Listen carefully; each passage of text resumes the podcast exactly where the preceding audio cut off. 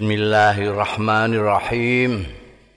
Qala al-muallif rahimahullah wa nafa'ana bihi wa bi ulumihi fid dharain. Amin. Babu karahati sahabi fil aswaq wa sifati Rasulillah sallallahu alaihi wasallam fit Taurat. Ada dua bab ini. Bab di mekruh kene as-sakhab sabu cuwawaan gembar-gembor suarane buanter-banteran cuwawak cara rembang ya nek geneman gak iso lon buanter waduh dadi. Fil aswaqi dalem pira-pira pasar. Lan sifate Kanjeng Rasul sallallahu alaihi wasallam fit Taurat dalam kitab Taurat An Atta ibni Yasarin, seorang tabi'in ya. Kalangan ndika sapa Atta bin Yasir bin bin Yasar. Laka itu ketemu sapa ingsun Abdullah ibni Amrin ing sahabat Abdullah bin Amr bin Al-As radhiyallahu anhuma. Ini Atta bin Yasar ini termasuk tabiin ketemu sahabat Abdullah bin Amr bin Al-As. Kultu matur sapa ingsun akhbirni mbok ngabari jenengan ing kula an sifati Rasulillah saking sifate Kanjeng Rasul sallallahu alaihi wasallam fit Taurat ing dalam Taurat. Hmm. Sahabat Abdullah bin Amr bin Al-As iki baca kitab-kitab yang disik di Taurat, Injil, baca beliau. Karena itu Atok bin Yasar beneran ketemu Abdullah bin Amr langsung ditanya. Akhbirni an sifati Rasulullah sallallahu alaihi wa alihi wasallam fit Taurat yang dalam Taurat. Jenengan mau Taurat niki ana apa wonten sifat-sifat Kanjeng Rasul. Tenggine Taurat. Kala ngendika sapa Abdullah bin Am ajal ya. Kala ngendika sapa Amr bin As Abdullah bin Amr bin As. Wallahi demi Allah innahu la mausufun. Sekali lagi ya ada anak-anak muda zaman Kanjeng Nabi itu namanya Abdullah Abdullah yang terkenal itu Abdullah bin Umar bin Khattab. Adiknya putra putranya Sayyidina Umar bin Khattab. Abdullah bin Mas'ud bin Abdullah bin Amr bin As Amr bin As ini apa namanya yang masuk Islam bersama-sama Khalid bin Walid. Setelah perang Uhud waktu perang Uhud sahabat apa Amr bin As dan Khalid bin Walid itu masih di pihak lawan ya kufar Mekah. Setelah itu dua-duanya masuk Islam. Putranya ini yang ahli ibadah suka baca kitab-kitab ahlul kitab itu Amr, Umar bin Abdullah bin Amr bin As ini. Yo wallahi demi Allah. Innahu satuhune. Kanjeng Rasul sallallahu alaihi wa alihi wasallam la mausufun yakti. Disipati fit Taurat ing dalam kitab Taurat. Bibak disifatihi kelawan sebagian sementara sifatnya Kanjeng Rasul sallallahu alaihi wasallam fil Qur'an ing dalam Qur'an. Iya, saya baca di Taurat itu ada sifat-sifat Kanjeng Rasul yang disifati di situ seperti sebagian seperti yang sudah disifatkan oleh Al-Qur'an. Yang Quran kan ada wa innaka lahulukun karimku wa innaka ya. terus apa iku apa jenenge eh Laqad ja'akum rasulun min anfusikum azizun alaihi ma anittum harisun. Terus wa bima rahmatin minallahi lintalahum. Banyak itu ya. Wa innaka ala khuluqin azim. Sebagian yang di Taurat itu disebutkan di Quran. Ayo. Ya ayuhan nabiyyu inna arsalnaka syahidan wa mubasyiran wa nadhiran. Kuning Taurat ana juga itu yang seperti itu. Iki ning Quran. Ya ayuhan nabi wa nabi. Inna sak penem sak temene panjenengan ingsun iku arsalnaka ngutus sapa panjenengan ingsun ing sira syahidan sebagai syahid sebagai saksi atas umat-umat dunia. Ini ini beriman atau tidak beriman nanti kanjeng Nabi yang menjadi saksi sana. Sementara umat-umat Islam menjadi saksi untuk kanjeng Nabi. Umat Islam bersaksi bahwa kanjeng Nabi Muhammad Shallallahu Alaihi Wasallam telah menyampaikan risalah dari Allah Subhanahu Wa Taala. Jadi gue ono apa orang-orang sing menyatakan aku gak tahu krungu. Aku ora ngerti nek ana Gusti Allah dina akhir barang aku gak dikandani. Engko umat Islam itu yang menjadi saksi. Kanjeng Nabi Muhammad sallallahu alaihi wasallam benar-benar telah menyampaikan itu. Kanjeng Nabi menjadi saksi semuanya. Ini yang iman, ini yang tidak. Wa mubasyiran lan memberi kabar gembira kepada orang-orang mukmin wa lan memberikan peringatan ancaman kepada orang-orang yang kafir. Awas nanti kamu. Itu penggawean kanjeng Nabi kan itu. Memberi kabar gembira kepada orang-orang beriman dan nadhiran lil kafirin. Saiki iki wong apa wong mukmin barang iku diweden-wedeni. Nazir. Eh? Gak cocok blas dengan aku. Apa nerusno kanjeng Nabi Muhammad sallallahu alaihi wasallam? Tapi mubasyiron. Wa naziron ora dilakoni. Oh, wong mestine mubasyiron lil mukminin wa naziron lil kafirin. Iki enggak. Ning mukminin barang nadhiran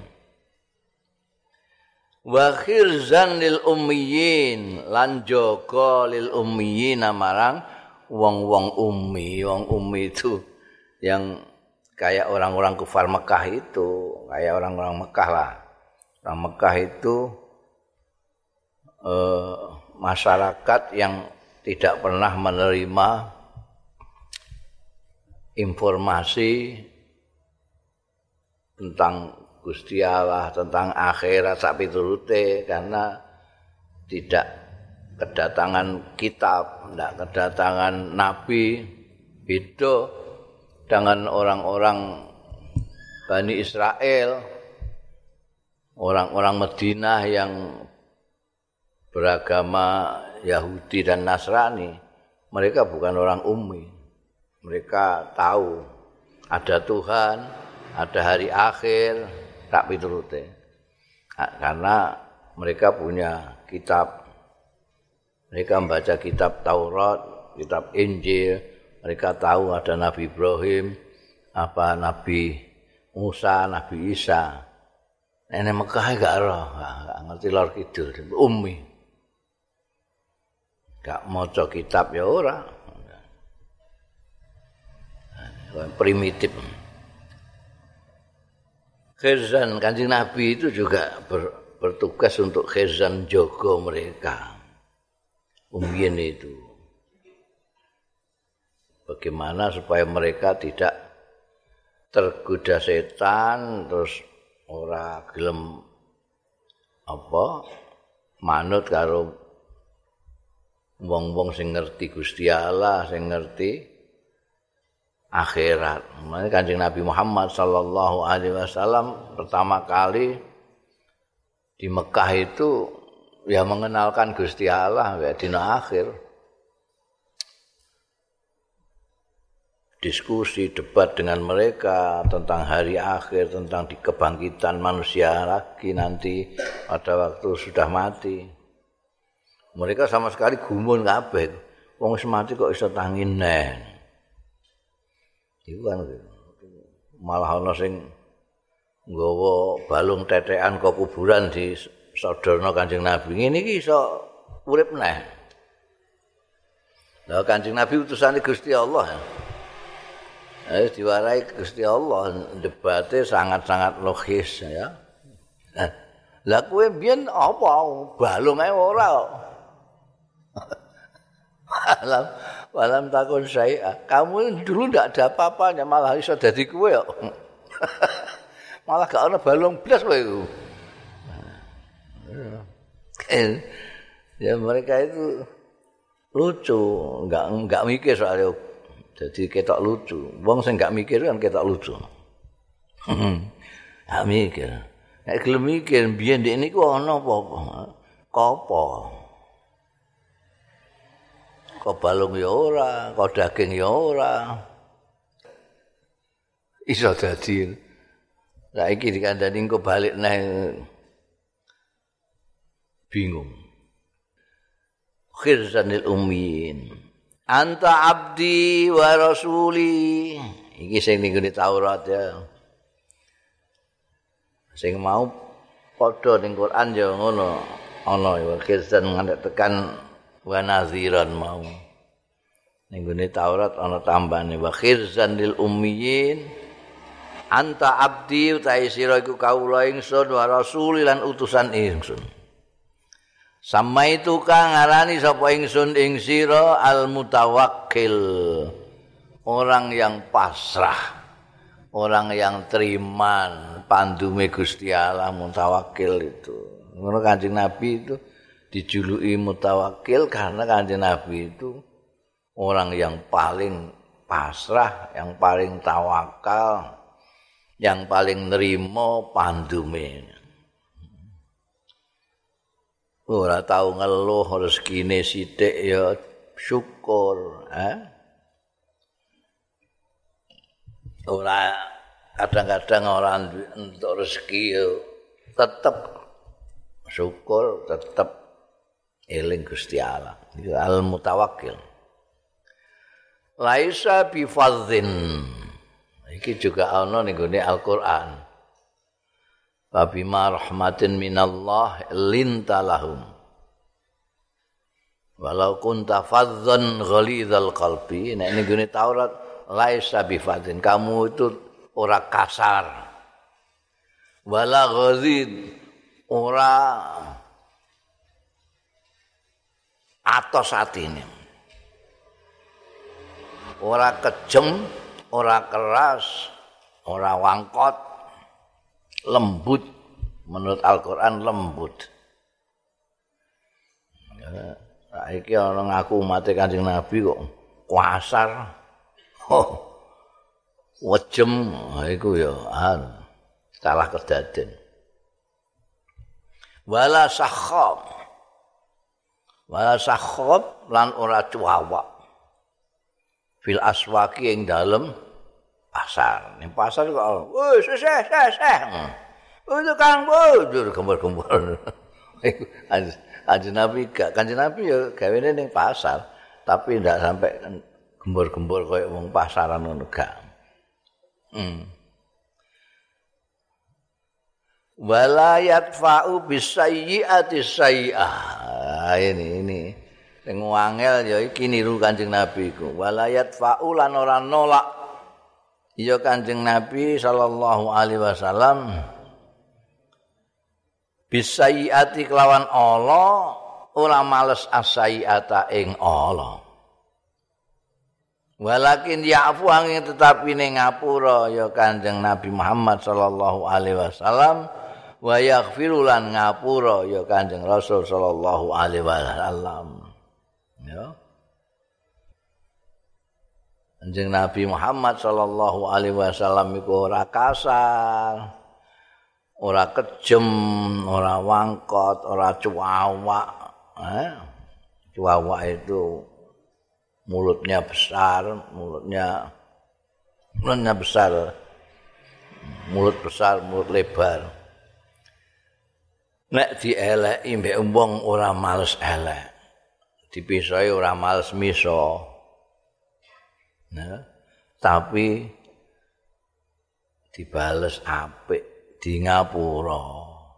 Ya Kanjeng Nabi itu penuh pengertian, penuh pengertian. Jadi mulane nalika disawati watu ning gone Thaif barang itu wis diprovokasi karo malaikat kon njaluk mending Gusti Allah ben breki gunung ae. Anjing Rasul gak kersa. Gak kersa. Mergo apa? Karena Kanjeng Rasul tahu mereka ini tidak ngerti. Kalau tidak ngerti, orang sesat itu diberitahu. Untuk memberitahu kita yang harus sabar. Orang orang orang tahu kok mbok kok lawan itu sama-sama ndak tahunya saja. Kamu tahu, dia ndak tahu. kok lawan ya kepada bodoh ini berarti ya Mane dungane Kanjeng Nabi ketika dipaksa-paksa malaikat ndonga ya Allahumma hdi qaumi wa innahum la ya'lamun. Mereka ndak ngerti Gusti. Panjenengan paringi pecedah supados ngerti. Nek ngerti mboten ngoten niku. Ngerti fungsine watu iki ora dienggo nyawati wong. wong iku dinggo peseduluran, dinggo kancan, ora kok dinggo musuhan. Iku kan ana sing gak ngerti ngono kuwi. Dadi nek ana wong sing gak ngerti ngono kuwi, aja mbok ladeni padha gak ngerti ini, aku padha gak ngerti ini. Ya. Ya, Nabi memaafkan. Ana wong anu, ah, maklum durung ngerti. Engko nek ngerti ra apik dhewe. ala wala yadfa'u bisayiati as-sayiata. Ya. Niku angel angel iki ku ya akeh. Oh. Wong karuan wong edan ya diladeni. Eh wong terus bingung sing edan sing endi. Oh apa ndikne kan enggak jelas. Wong ben dikandani. Wong sesat ditaboki ya tambah ngeleng-ngeleng ngono. Eh ana wong ame ning Jakarta ngetan terus mbok taboki. Sesat kamu itu. Pintu. Jakarta itu ke sana. Ke sana itu waboki ndak sepuluh ngono. Lho iku piye? Wong sesat iku dikandani. Lah ngeyel ya disabari. Wong kowe kepengin bener. Nek kowe ora gelem ya tinggalna wis jarno ya. Wis tak kandhani ra ngandel ya wis. sesat-sesate dhewe. Kok ngamuk koto iku lha apa? Dari Nabi itu ya. Wala yakbiduhullah. Wala yakbiduhullah. Lan. Wala yakbiduhullah. Lan ora bakal mundut. Hu ing kanjeng Rasul sallallahu alaihi wasallam. Sapa Allah Gusti Allah. Hatta yukima bihi. Sehingga jejekna ya kanjeng Rasul. ya Allah bihi kelawan Kanjeng Rasul hatta yuqima sehingga njecekake sapa Allah bihi kelawan Kanjeng Rasul. Al millatal auja eh tatanan-tatanan kang bengkok. Ini maknani maknani agama pada karo din milah. Ini kondo nek milah dan mulai digunakan sejak Nabi Ibrahim. Kemudian dibengkok-bengkokkan sama orang. Maka terus dikencengno, dijejekno maneh. Milah telauja ya. Milah mulai zaman Nabi Ibrahim ngantek saiki itu santek Nabi Musa, ngantek Nabi Isa, ngantek Kanjeng Nabi Muhammad sallallahu alaihi wasallam iku adalah dinut tauhid.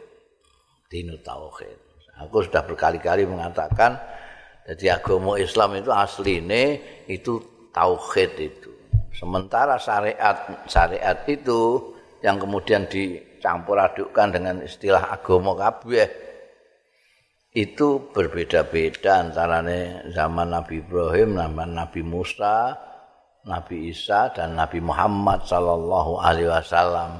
Karena zaman kondisi menghendaki seperti itu, menghendaki berbeda-beda.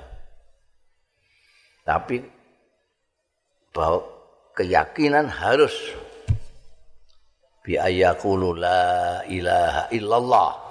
Ini Kalau tidak berarti bengkok. Nah ini harus ditegakkan. Anjing Nabi wafat itu semua sudah ditegakkan itu. Seluruh jazirah Arab bahkan sampai ke Sam, sampai Irak, sampai Iran. Ke barat sudah hampir sampai Perancisan. Itu yang bengkok-bengkok diluruskan kabeh sampai agama.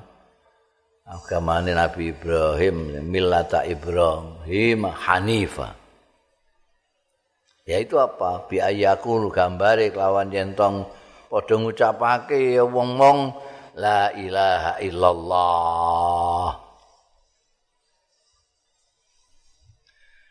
Wa yaftah. Wa yaftahulan buka. Hatta yukima ya hatta yaftaha. Jadi waca yaftaha. Padakno mbek yukima. Niku jenenge ngatap. Ngatap atapan iku ngono iku. Hatta yukima bihil milah wa yaftaha bihi lan buka sapa Allah bi sebab Kanjeng Nabi Muhammad sallallahu alaihi wasallam ayunan ing pira-pira mripat umyan sing wuta. Wa adzanan lan kuping-kuping summan sing budhek wa quluban lan pira-pira ati hulfan sing talumpe ing tertutup hulfan tertutup mulane ketika kanjeng Nabi wafat itu tumurun ayat al yauma akmaltu lakum dinakum Kanjeng Nabi maos ayat itu sahabat Abu Bakar terus nangis muwun. Dia paham ini sudah selesai anunya apa namanya risalah Kanjeng Rasul, misinya Kanjeng Rasul. Kan sudah akmal tulakum dinakum. Ya. Karena tahu juga nih gue Taurat itu layak bidahullahu hatta yukima bil millatal auja wa yaftahabi ayunan umyan wa adzanan summan wa quluban ulfan wis melek melek agama kabeh lagi Kanjeng Nabi kapundhut Bab tasattur fil husli bab tasattur tasattur itu menutup menutup diri. Menutup diri. Fil huzli yang dalam adus. Coba bayang saiki toilet pirang-pirang jeding ono pirang-pirang mas. Iku wis karuan ana temboke bareng mbiyen. Nek arep adus ya kudu ana sing nutupi. Nek ora ya ngaduh ana. segoro kali ya ini tak satur ya nutupi Bape siji tasatur fil husli, kedua wakafilul yatim. Kedua bab jelasno tentang pengampu orang-orang yatim. Pengampu orang yatim itu yang ngurusi orang yatim, yang nanggung anune cah yatim. Yang ketiga wa kita batu hadiril jumati lan catatan orang-orang yang hadir Jumat. Jadi ada tiga hadis ini. Hadis tentang tasatur fil husli, ada hadis tentang kafilul yatim, ada hadis tentang kitabatu hadiril jum'ah. An Ibni Abbasin, saking sahabat Abdullah bin Abbas, ini Abdullah lagi, ya. yang kandakno cah lem-lem hebat-hebat itu ya Abdullah bin Abbas di antara lain, ini malah anu kanjeng Nabi,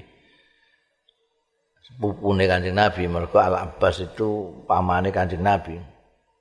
Abdullah bin Abbas ini terkenal dengan ahli Quran, ahli tafsir. Nah, Ini Abdullah bin Abdul As ahli ibadah. Nek Abdullah bin Umar bin Khattab ahli fikih. Jadi ya ahli kabeh, cuma spesialis itu nembang takok perkara Quran ya nek Abdullah bin Abbas.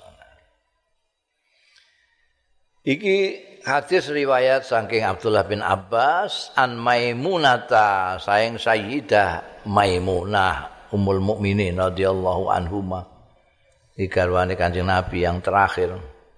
Qalat ngendika sapa Maimunah satartun Nabi nutupi sapa ingsun an Nabi ya ing Kanjeng Nabi sallallahu alaihi wasallam nutupi mbekan kain ikhram bawa apa lah cara kene ya nganggo jarik biasa sing dikunutup-nutupi ngono iku Satartun Nabi sallallahu alaihi wasallam bahwa kali utai Kanjeng Rasul sallallahu alaihi wasallam iku yaktasilu siram.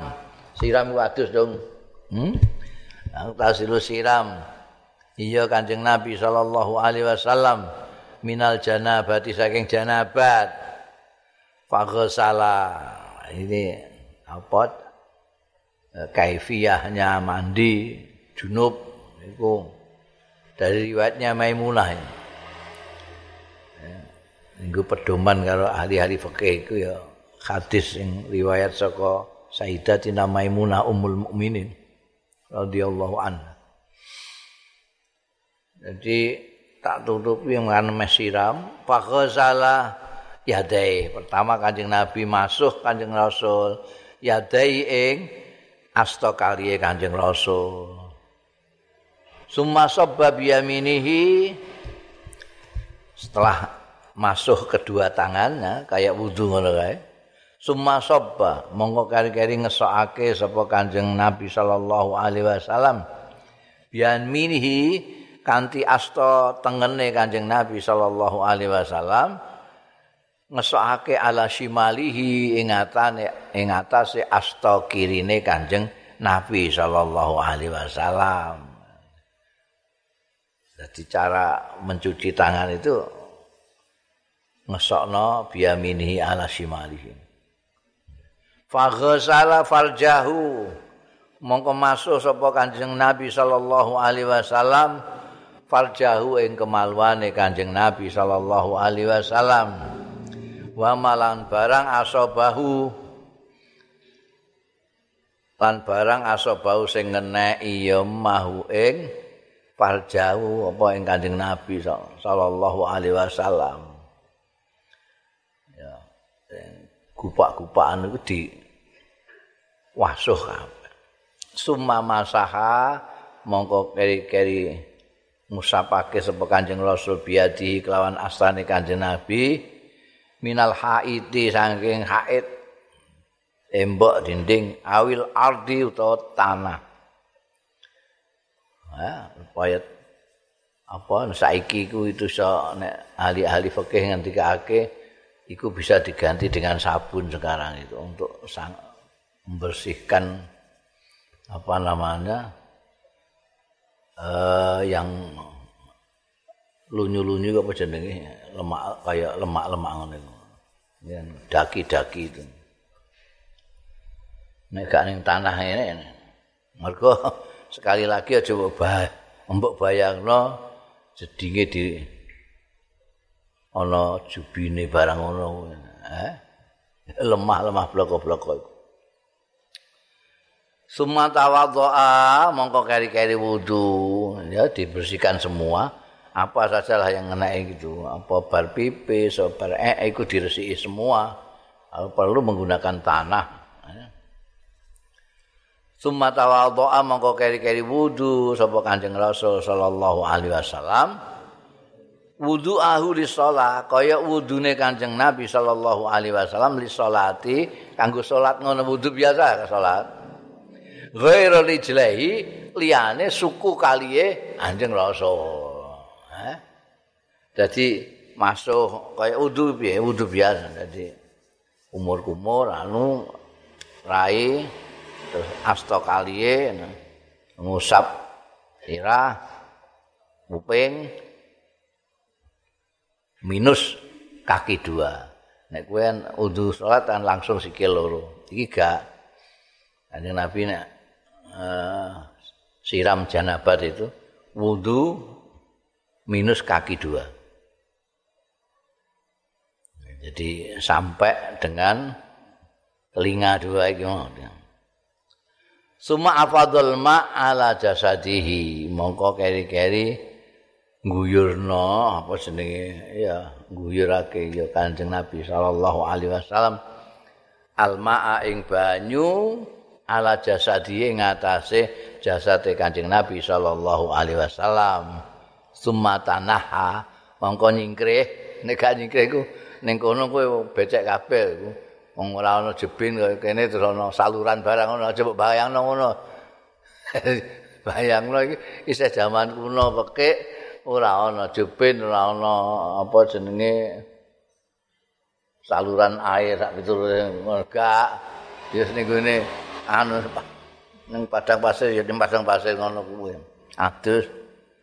Jadi wis baru segala macam kebiurno seluruh badan terus nyingkreh nyingkreh rono lah kini kan kecombong ngecombong. Lemah biasa itu. Terus piye? Tanah kan nyingkreh faghosala qadamaihi. Monggo banjur nyuci sapa Kanjeng Nabi sallallahu alaihi wasallam qadamaihi ing suku kali melengkapi wudunya yang tadi itu carane ngono. Saiki luwih kepenak meneh. Saiki wong ora kudu nyingkrih-nyingkrih bareng. Wong kowe nek mbok kebyur terus langsung airnya mili ning gone saluran. Ya. Terus langsung bisa nyiram kaki dua. Bayang lembien Masya Allah.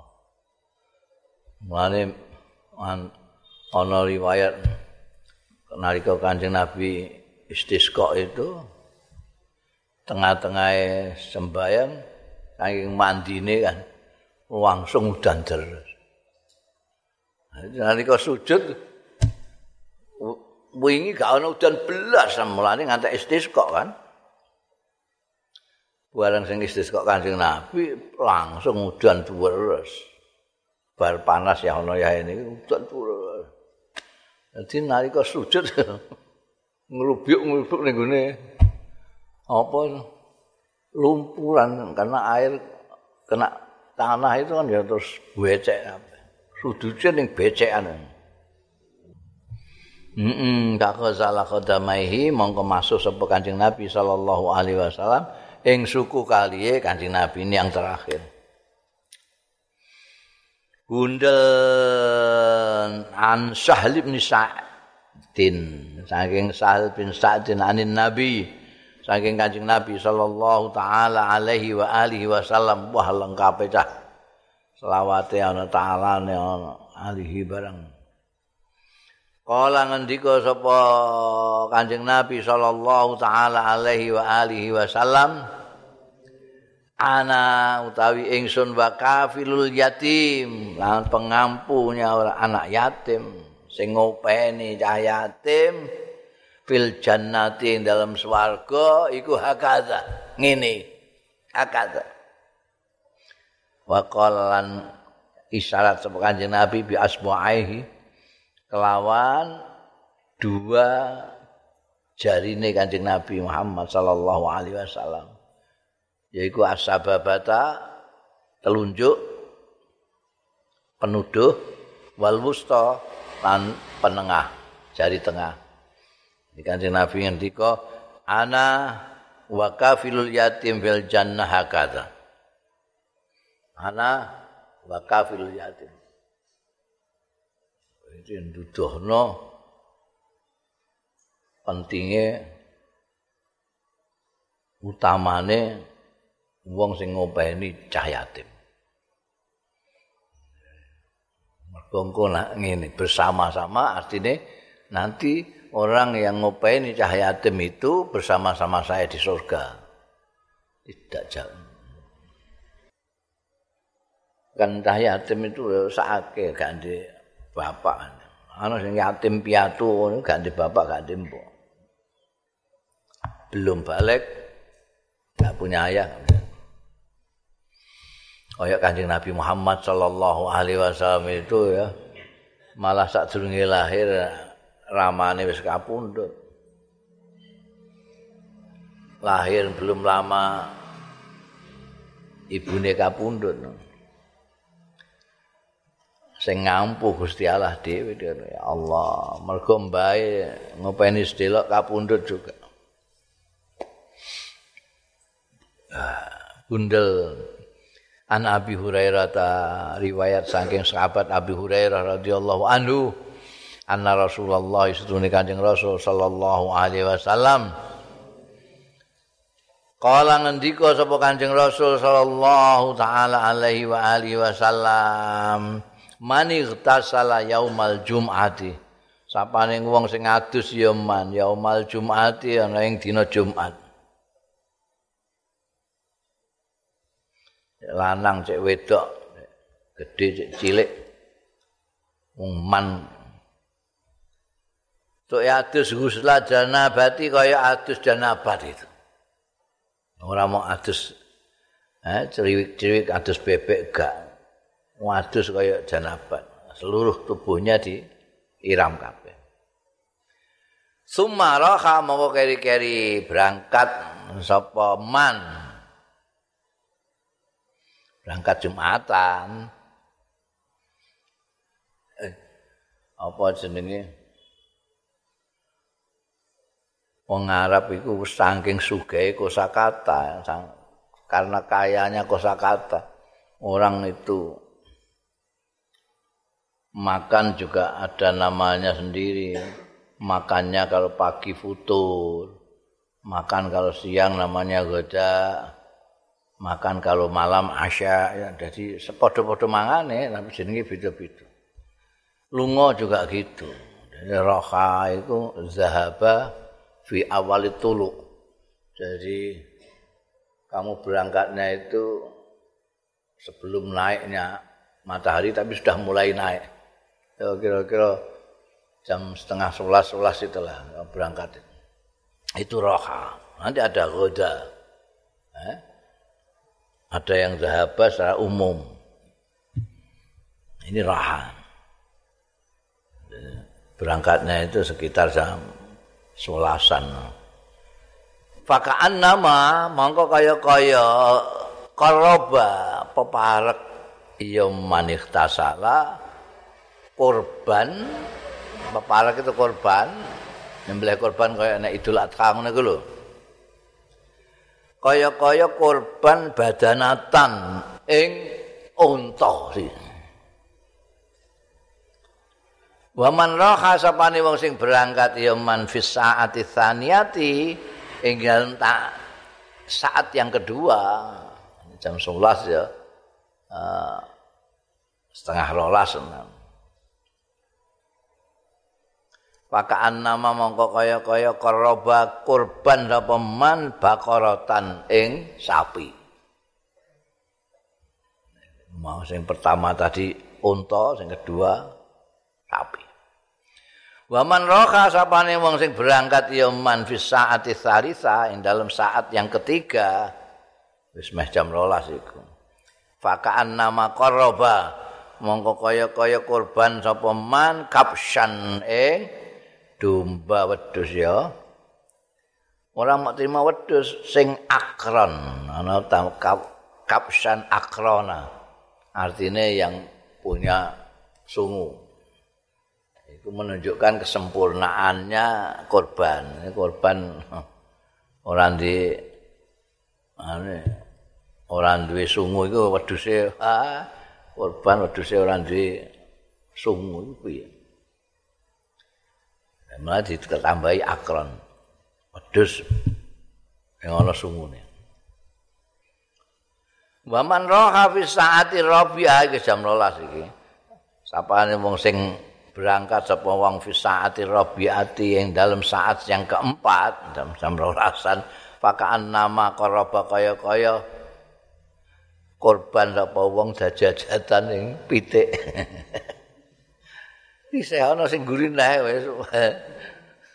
Waman roha fi saati khamisah sampane wong sing berangkate fi saatil khamisah ing dalem saat sing kelima pakaan nama mongko kaya-kaya karoba kurban sapa man baidatan ing ndok ya.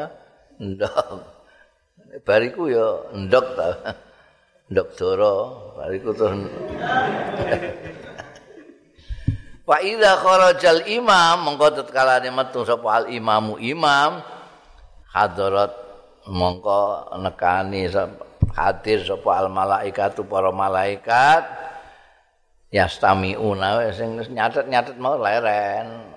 Mergo arep yastamiuna ngrungokno ya malaikat adzikra ing pepeling pepelingnya khotib imam itu mau nek ndelok iki imam ora ora disunahno kaya liyane cepet-cepet. Wong nek ndelok iki lho redaksine kan setelah mereka semua dinyatat ini siapa-siapa yang datang oh ini oh iki untuk unta wisuk untuk untuk unta oh iki untuk endok iki endok cecek. Imame teko ya terus mereka terus siap mendengarkan khutbah Jadi gak teko nggurine nek khotib wis wis khotbah kowe lagi teko. Ya wis. Wis ora ono malaikat sing nyatet gak kecatet kowe. imam iku ora ndelok ning kene imame tekane kudu ngguri. Etikane ngono ya, imam. Imam aja kesusu teko. Susu teko nek malaikat terus linggih kabeh payah wis. tekane sesuk. Tapi malaikat wis do linggih apa? Ameh ngrungokno imam mergo imame teko. Apa ya? Imame ngguri. Ya guru kiai sing ngaji barang ngono. Etikane tekane ngguri. Sing santri ini teko dhisik. Soale nek nek ya ini tekan dhisik santrine ngguri, santrine sing sungkan. Nek duwe sungkan. Lho ana sing kiai ini sing sungkan ya ana. Oh ya kiai Adlan anu iku apa jenenge nek santrine telat teko wis wis munggah ning santrine lagi teko semerem ini ngene. Sungkan ambek santrine. Nek mbok menawa santrine roh. sakake nek sungkan dadi ndekne nyungkani santrine sing sungkan santrine gak sungkan ndekne sing sungkan hmm. mbembo karo Bunda babu qiyamul lail bab qiyamul lail jungkung bengi wala tubtilu sadaqatikum bil manni wal adza. Lan bab aja padha batalno sira kabeh sedekahatikum ing sedekah-sedekah ira kabeh bil manni kelawan ngundat-ngundat wal azalan miloro.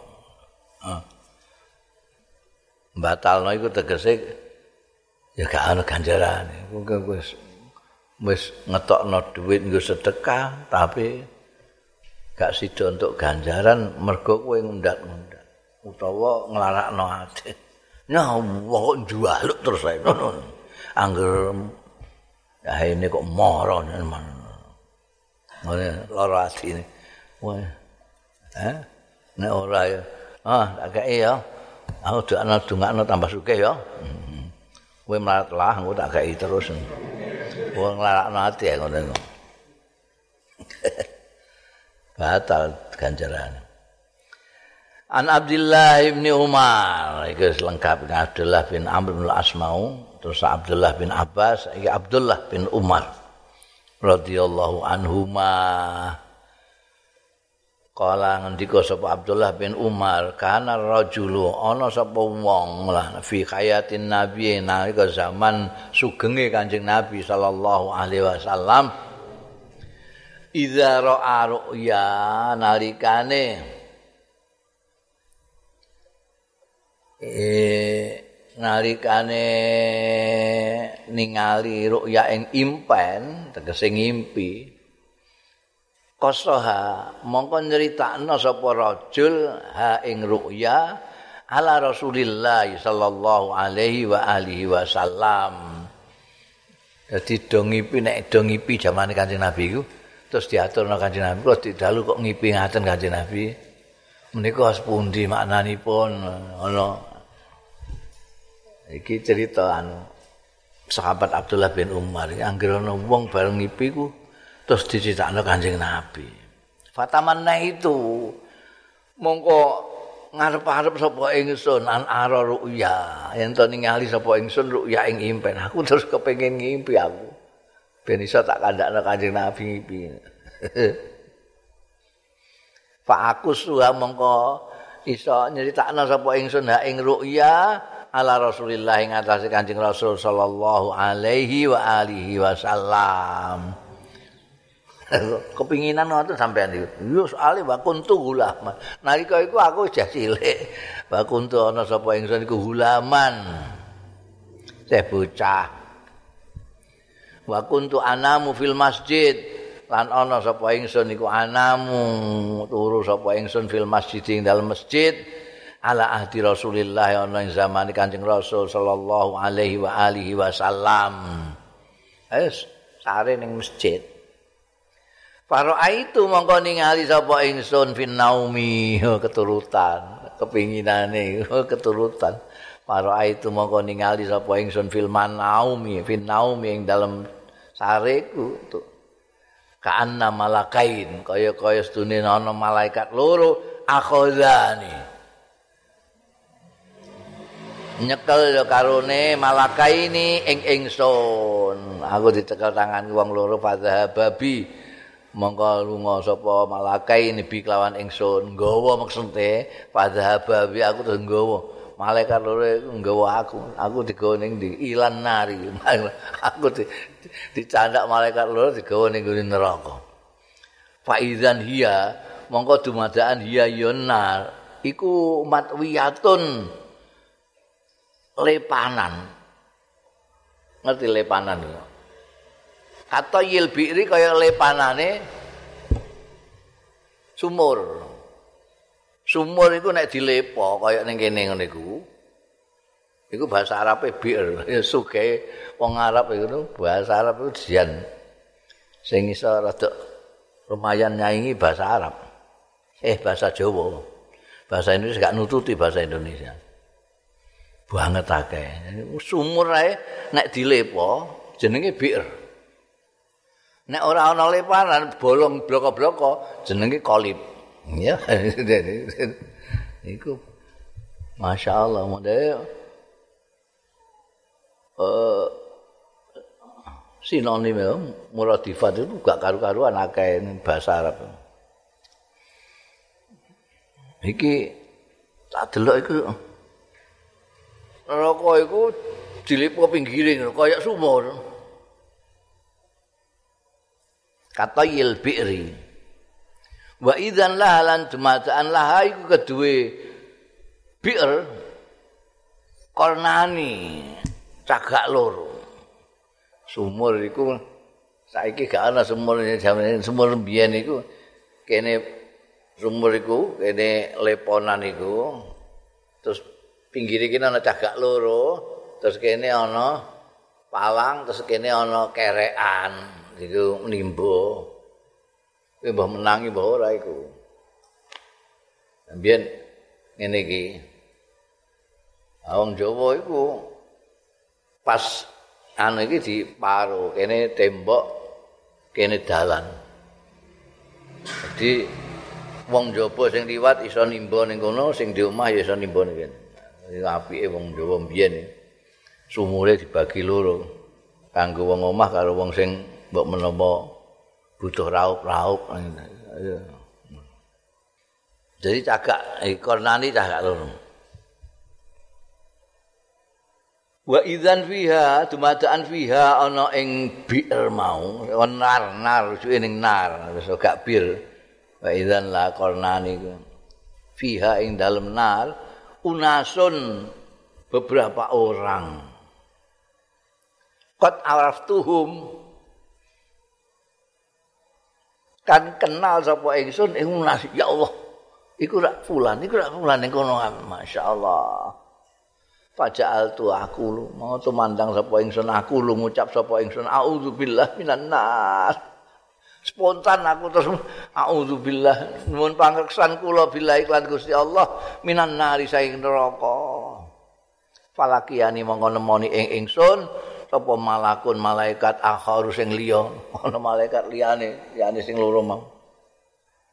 Faqala li monggo ngendika sapa malak akhir mau limarang ingsun. Lam turak aja panik aja wedi sira.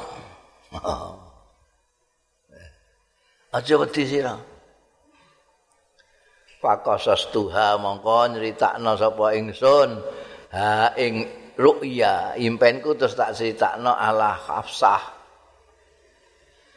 ala hafsah ta ing atase Sayyidatina Hafsah. Hafsah itu eh apa? Hafsah itu ya Mbak Yune. Wong Hafsah itu bintu Umar bin Khattab. Abdullah itu ya bin Umar bin Khattab dari Mbak Yune. Dicitakno Mbak Yune. Mbak, bengi aku ngipi ya. Hmm, medeni roh neraka. tak critakno lah Hafsah ini Mbak Yuni iki garwane Kanjeng Rasul sallallahu alaihi wasallam mulane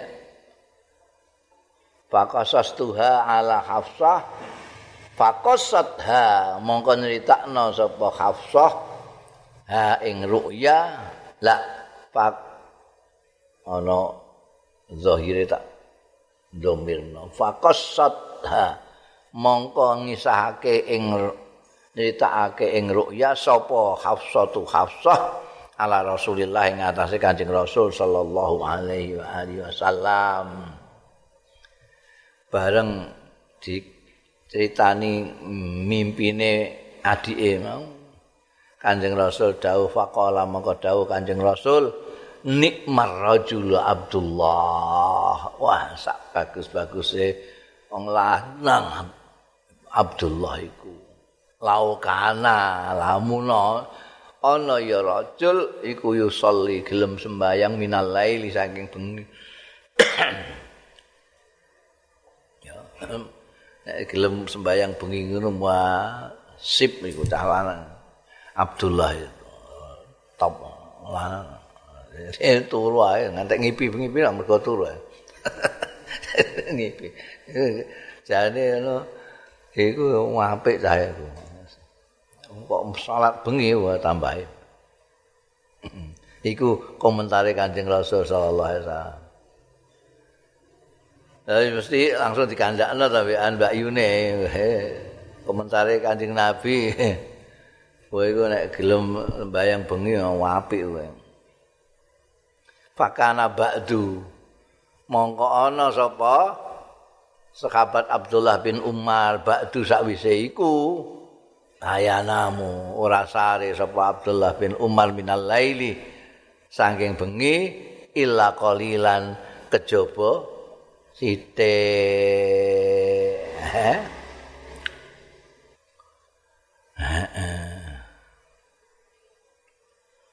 Bunda riyo iki apa fadilae utama keutamaane salat bengi.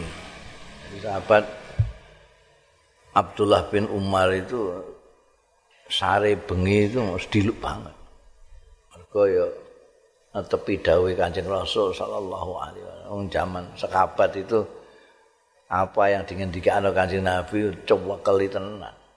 Pemeneh menyangkut ha, kebahagiaan diri sendiri di hari akhir kayak sahabat Abdullah bin Umar ini. Ndikani ngono dimaknani aku kudu akeh sembayang bengi iki ora kakean turune. Allah taala wallahu alam